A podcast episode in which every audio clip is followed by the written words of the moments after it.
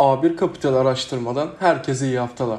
ABD'de tahvil alımlarının azaltılması senaryosunun ön plana çıkmasına, son dönemde artan enflasyona, yayılan delta varyantı endişelerine rağmen global hisse senetlerinde pozitif seyir devam ediyor.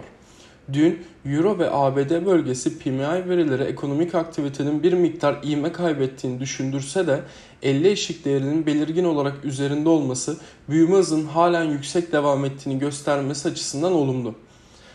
ABD'de Pfizer-BioNTech aşısının tam onay alması da risk iştahının toparlanmasına yardımcı olmakta. Oynaklık göstergesi VIX endeksi 17.2'ye geriledi. Brent petrol fiyatı 69 dolar, ons altın fiyatı 1800 dolar seviyelerine çıktı. Bugün Asya hisse senedi piyasaları alıcılı bir seyir izliyor.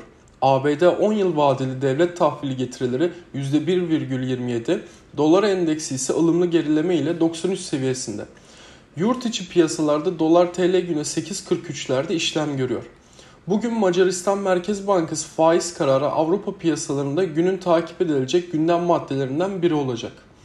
MNB'nin son iki toplantısında 30'ar bas puan yaptığı artırım bu toplantıda da sürdürerek faizi %1,5'a çıkarması bekleniyor. ABD'de ise Ağustos ayı Richmond Fed İmalat Sanayi Endeksi ile Temmuz ayı yeni ev satışları açıklanacak. Türkiye'de ise önemli bir veri açıklaması bulunmuyor. BIST 100'e baktığımızda endeksin güne yurt dışı borsalarla paralel yukarı yönlü başlamasını bekliyoruz.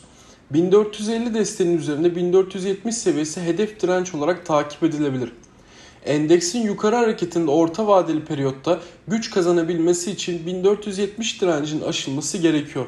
Bu durumda ise piyasada 1485, 1500, 1550 seviyelerini hedefleyecek yükseliş süreci devam edecektir. 1430 desteğinin üzerinde mevcut trade pozisyonları korunabilir. Herkese bol kazançlar, pozitif kalın.